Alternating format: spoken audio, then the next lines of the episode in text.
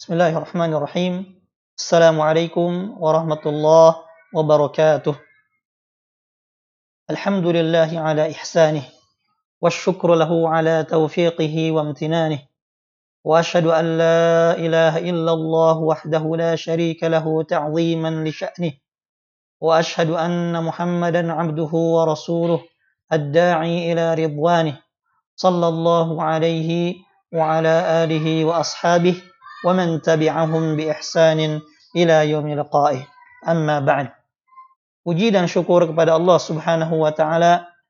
Salawat dan salam semoga tetap tercurah kepada Nabi dan Rasul kita Muhammad sallallahu alaihi wasallam beserta keluarga, sahabat dan para pengikut beliau hingga yaumul qiyamah. Ikhwan fiddin, a'azzani Allah wa iyyakum. Ini adalah pertemuan ke-27 dari kajian rutin selama bulan Ramadan tahun 1441 Hijriah membahas kitab yang berjudul Mukhtasaru Ahaditsus Siyam Ahkamun wa Adab atau ringkasan hadis-hadis seputar puasa, hukum-hukum dan adab-adabnya yang ditulis oleh Syekh Abdullah bin Salih Al-Fauzan hafizahullahu taala.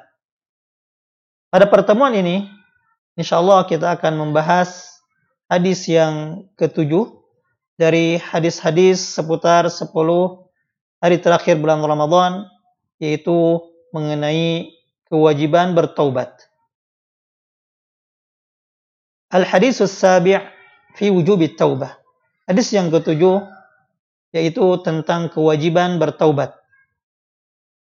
Anil Aghar bin Yasar al-Muzani radhiyallahu anhu qala Diriwayatkan dari Al-Aghar bin Yasar Al-Muzani radhiyallahu anhu, beliau berkata, Qala Rasulullah sallallahu alaihi wasallam, Rasulullah sallallahu alaihi wasallam bersabda, "Ya ayyuhan nas, tubu ila Allah, fa inni atubu fil yawm ilaihi mi'ata marrah." Rawahu Muslim. Wahai sekalian manusia, bertaubatlah kalian kepada Allah, karena sesungguhnya aku bertaubat kepadanya dalam sehari sebanyak seratus kali. Hadis riwayat Muslim. الحديث دليل على وجوب التوبة على كل إنسان لأن هذا أمر والأمر للوجوب Hadis ini merupakan dalil tentang kewajiban bertaubat bagi seluruh manusia. Karena ini adalah perintah, sedangkan perintah adalah wajib. Sebagaimana Allah Ta'ala berfirman dalam surah An-Nur ayat 31, وَتُوبُوا إِلَى اللَّهِ جَمِيعًا أَيُّهَا الْمُؤْمِنُونَ لَعَلَّكُمْ تُفْلِحُونَ Dan bertaubatlah kalian kepada Allah semuanya, wahai orang-orang yang beriman, agar kalian beruntung. Dan juga Allah Ta'ala berfirman dalam surah Hud ayat 3, وَأَنِ اسْتَغْفِرُوا رَبَّكُمْ ثُمَّ تُوبُوا إِلَيْهِ dan hendaknya kalian meminta ampun kepada Rabb kalian, kemudian bertaubatlah kepadanya. Mengapa kita harus bertaubat? Penulis menjelaskan, wala budda likulli 'abdin min taubah. Setiap hamba hendaknya bertaubat. Setiap hamba harus bertaubat. Fa innal insan la yakhlu min ma'siyatin aw taqsirin fi ta'atillah ta'ala. Karena setiap manusia pasti tidak akan lepas dari maksiat atau kurang dalam taat kepada Allah Subhanahu wa taala. Hal itu dipertegas oleh hadis Nabi Shallallahu alaihi wasallam yang diriwayatkan oleh Tirmidzi dan Ibnu Majah dari Anas bin Malik radhiyallahu taala. Rasulullah sallallahu alaihi wasallam bersabda, "Kullu bani Adam khata'un wa khairul khata'in at-tawwabun." Setiap anak cucu Adam pernah melakukan kesalahan dan orang yang paling baik dalam melakukan kesalahan adalah mereka yang bertaubat kepada Allah Subhanahu wa taala. Lalu dari apa kita bertaubat? Wa taubatu kama takun min fi'li sayyi'at takun min tarkil hasanat al-ma'mur biha. Ya. Taubat sebagaimana dilakukan dari perbuatan yang jelek juga taubat dilakukan ketika meninggalkan kebaikan yang diperintahkan. Lalu kapan kita harus bertaubat? Penulis menjelaskan, wa taubatu wajibatun 'alal faur, la yajuzu ta'khiruha. Bertaubat wajib dilakukan dengan segera dan tidak boleh ditunda-tunda. Li'annal insan la yadri mata yafja'uhul maut. Karena seorang manusia tidak tahu kapan ia akan dijemput oleh malaikat maut. Kapan maut datang mendatanginya secara, secara tiba-tiba. Wali anna sayyi'at tajurru akhwataha. Dan juga karena maksiat itu akan menarik kawan-kawannya, saudara-saudaranya. Wadzalika israrun 'alal ma'siyah yujibu qaswatal qalb. Hal itu karena terus-menerus melakukan maksiat akan menyebabkan kerasnya hati wa bu'dahu 'anillahi ta'ala juga menyebabkan jauh dari Allah Subhanahu wa taala kama yujibu dha'fal iman juga menyebabkan iman melemah li'annahu yazidu bil ta'ah wa yanqusu bil ma'siyah karena sebagaimana keyakinan ahlu sunnah wal jamaah bahwa iman itu bisa bertambah dengan ketaatan dan bisa berkurang dengan kemaksiatan. Oleh karena itu, kita harus segera bertaubat. Tidak boleh menunda-nunda taubat. Karena seorang manusia tidak tahu kapan maut menjemputnya. Karena jika kita melakukan maksiat, maka akan mendatangkan maksiat-maksiat lain. Sehingga menyebabkan hati kita keras. Dan kita pun jauh dari Allah subhanahu wa ta'ala. Dan iman kita pun menjadi lemah. Oleh karena itu kita harus segera untuk bertaubat dan kembali kepada Allah subhanahu wa ta'ala terlebih di bulan yang mulia ini dan di akhir-akhir bulan ini ya penulis menjelaskan fa'alal muslim an yakhtima syahrahu bitaubati ila Allah taala wal inabati ilaih ya maka hendaknya seorang muslim menutup bulan yang penuh berkah ini yaitu bulan Ramadan dengan bertaubat kepada Allah Subhanahu wa taala dan kembali kepadanya ya. karena ili annal a'mal bil khawatim. Karena amalan itu tergantung akhirnya. Wa yaf'alu ma yuhibbuhu maulah wa ma la yardah. Sehingga hendaknya ia kerjakan ya, apa yang dicintai oleh Allah dan meninggalkan apa saja yang tidak diredai oleh Allah Subhanahu wa taala. Wa yastadrika fi baqiyati syahrihi ma fatahu fi awwalihi dan mengejar ketertinggalannya di bulan yang dan mengejar apa yang ia tinggalkan atau ketertinggalannya di awal bulan ini dengan mengejarnya di sisa bulan ini. Karena sebagaimana dikatakan Al-Fudhal bin Iyad, ya, ahsin fi ma baqi yaghfiru laka ma qad bada. Berbuat baiklah di sisa umurmu, niscaya Allah Subhanahu wa taala akan mengampuni apa yang telah lalu. Dan juga hendaknya ia wayaqifu bibabi khaliqihi mawqif al-'abdi dzalil al-khaif al-munkasir baina yadayh. Dan hendaknya ia berdiri di hadapan khaliqnya, di hadapan Allah Subhanahu wa taala sebagai sebagai penciptanya dalam keadaan berdirinya seorang hamba yang menghinakan dirinya yang takut dan hancur hatinya di hadapan Allah Subhanahu wa taala. Namun taubat agar diterima oleh Allah Subhanahu wa taala hendaknya memenuhi syarat-syarat yang akan disebutkan berikut ini. Walid taubatin nasuh allati amara Allah biha syurutun khamsah wahya dan taubat yang nasuh, taubatan nasuha, taubat yang benar-benar, taubat yang tulus dan murni yang diperintahkan oleh Allah Subhanahu wa taala memiliki lima syarat sebagaimana disebutkan berikut ini. Syarat yang pertama dari syarat taubatan nasuha adalah al-ikhlas, yaitu ikhlas kepada Allah Subhanahu wa taala. Bi an takuna taubatuhu khalisatan liwajhillahi taala, yaitu melakukan taubatnya ikhlas hanya mengharap wajah Allah Subhanahu wa taala fayatubu minadz dzanbi ta'atan lillah wa mahabbatan lahu wa ta'zima rajiyan thawabahu khaifan min iqabih. Sehingga seorang yang bertobat kepada Allah ya, bertobat dari dosanya itu dalam rangka melaksanakan ketaatan kepada Allah mencari cinta dan mengagungkan Allah Subhanahu wa taala, mengharap pahala darinya, takut dari siksanya. Ini adalah ikhlas dalam taubat kepada Allah Subhanahu wa taala. Kemudian syarat yang kedua, agar taubat seseorang diterima Allah Subhanahu wa taala, agar taubat tersebut menjadi taubatan nasuha, hendaknya an yatrukal ma'siyah allati kana mutalabbisan biha. Hendaknya orang yang bertaubat meninggalkan maksiat yang mana ia bergelimang dengan maksiat tersebut. Hal itu diwujudkan fa in kanat fi'la muharramin aqla'a anhu fil hal. Jika dosa tersebut berupa perbuatan yang haram dilakukan, maka hendaknya ia tinggalkan perbuatan haram tersebut seketika itu pula. Tarka wajibin yumkinu qada'uha badara bi adaihi kazzakah wal haj.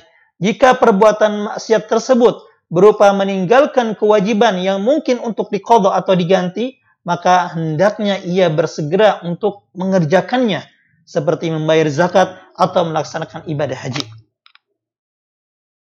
Al ma'siyatu tata'allaqu bihaqqi adami bi an kana malan raddahu ila sahibihi in kana hayya.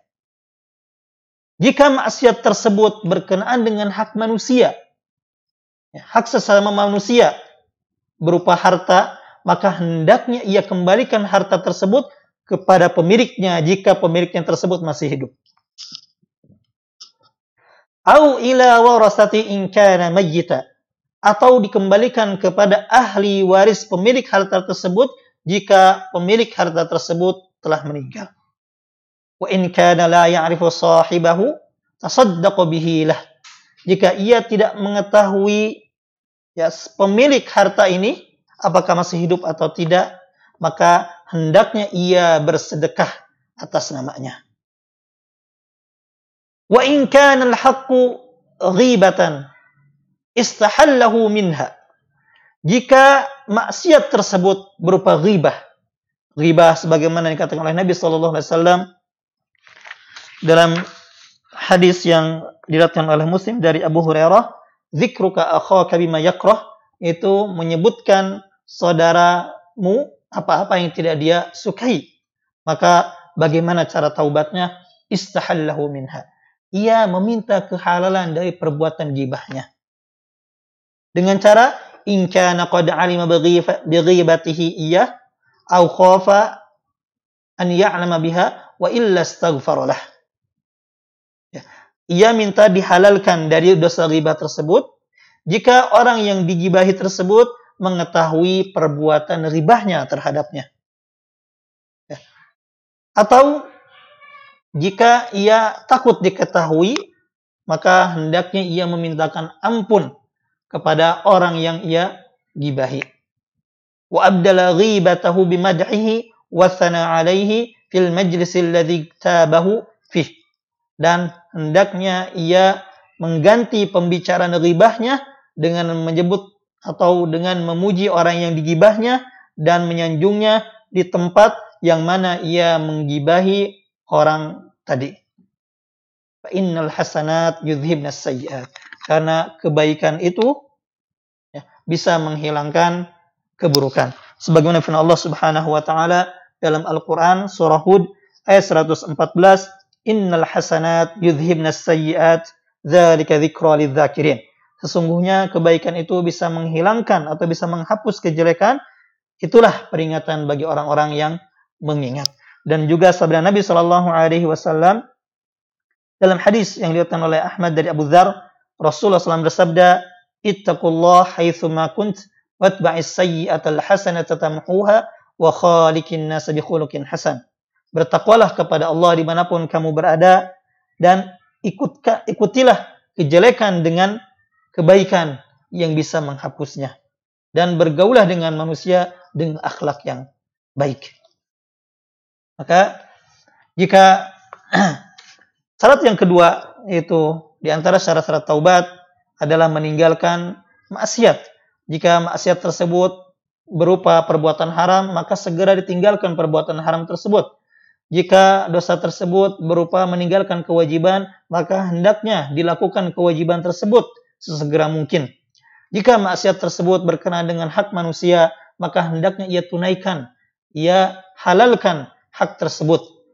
Jika pemiliknya masih hidup, kita bayar kepada pemiliknya. Jika sudah meninggal, maka kita tunaikan kepada ahli warisnya. Jika tidak diketahui, maka sedekahkanlah harta tersebut atas nama orang yang kita ambil haknya itu. Jika dosa tersebut berkenaan dengan ghibah. Nah, jika ia tahu, maka hendaknya meminta kehalalan dari orang yang digibahi. Jika uh, ia khawatir ia mengetahuinya, maka hendaknya ia memintakan ampun kepada uh, orang yang kita yang digibahinya. Atau dan juga mengganti pembicaraan yang tadinya ghibah menjadi pujian dari orang yang sebelumnya kita ghibahi.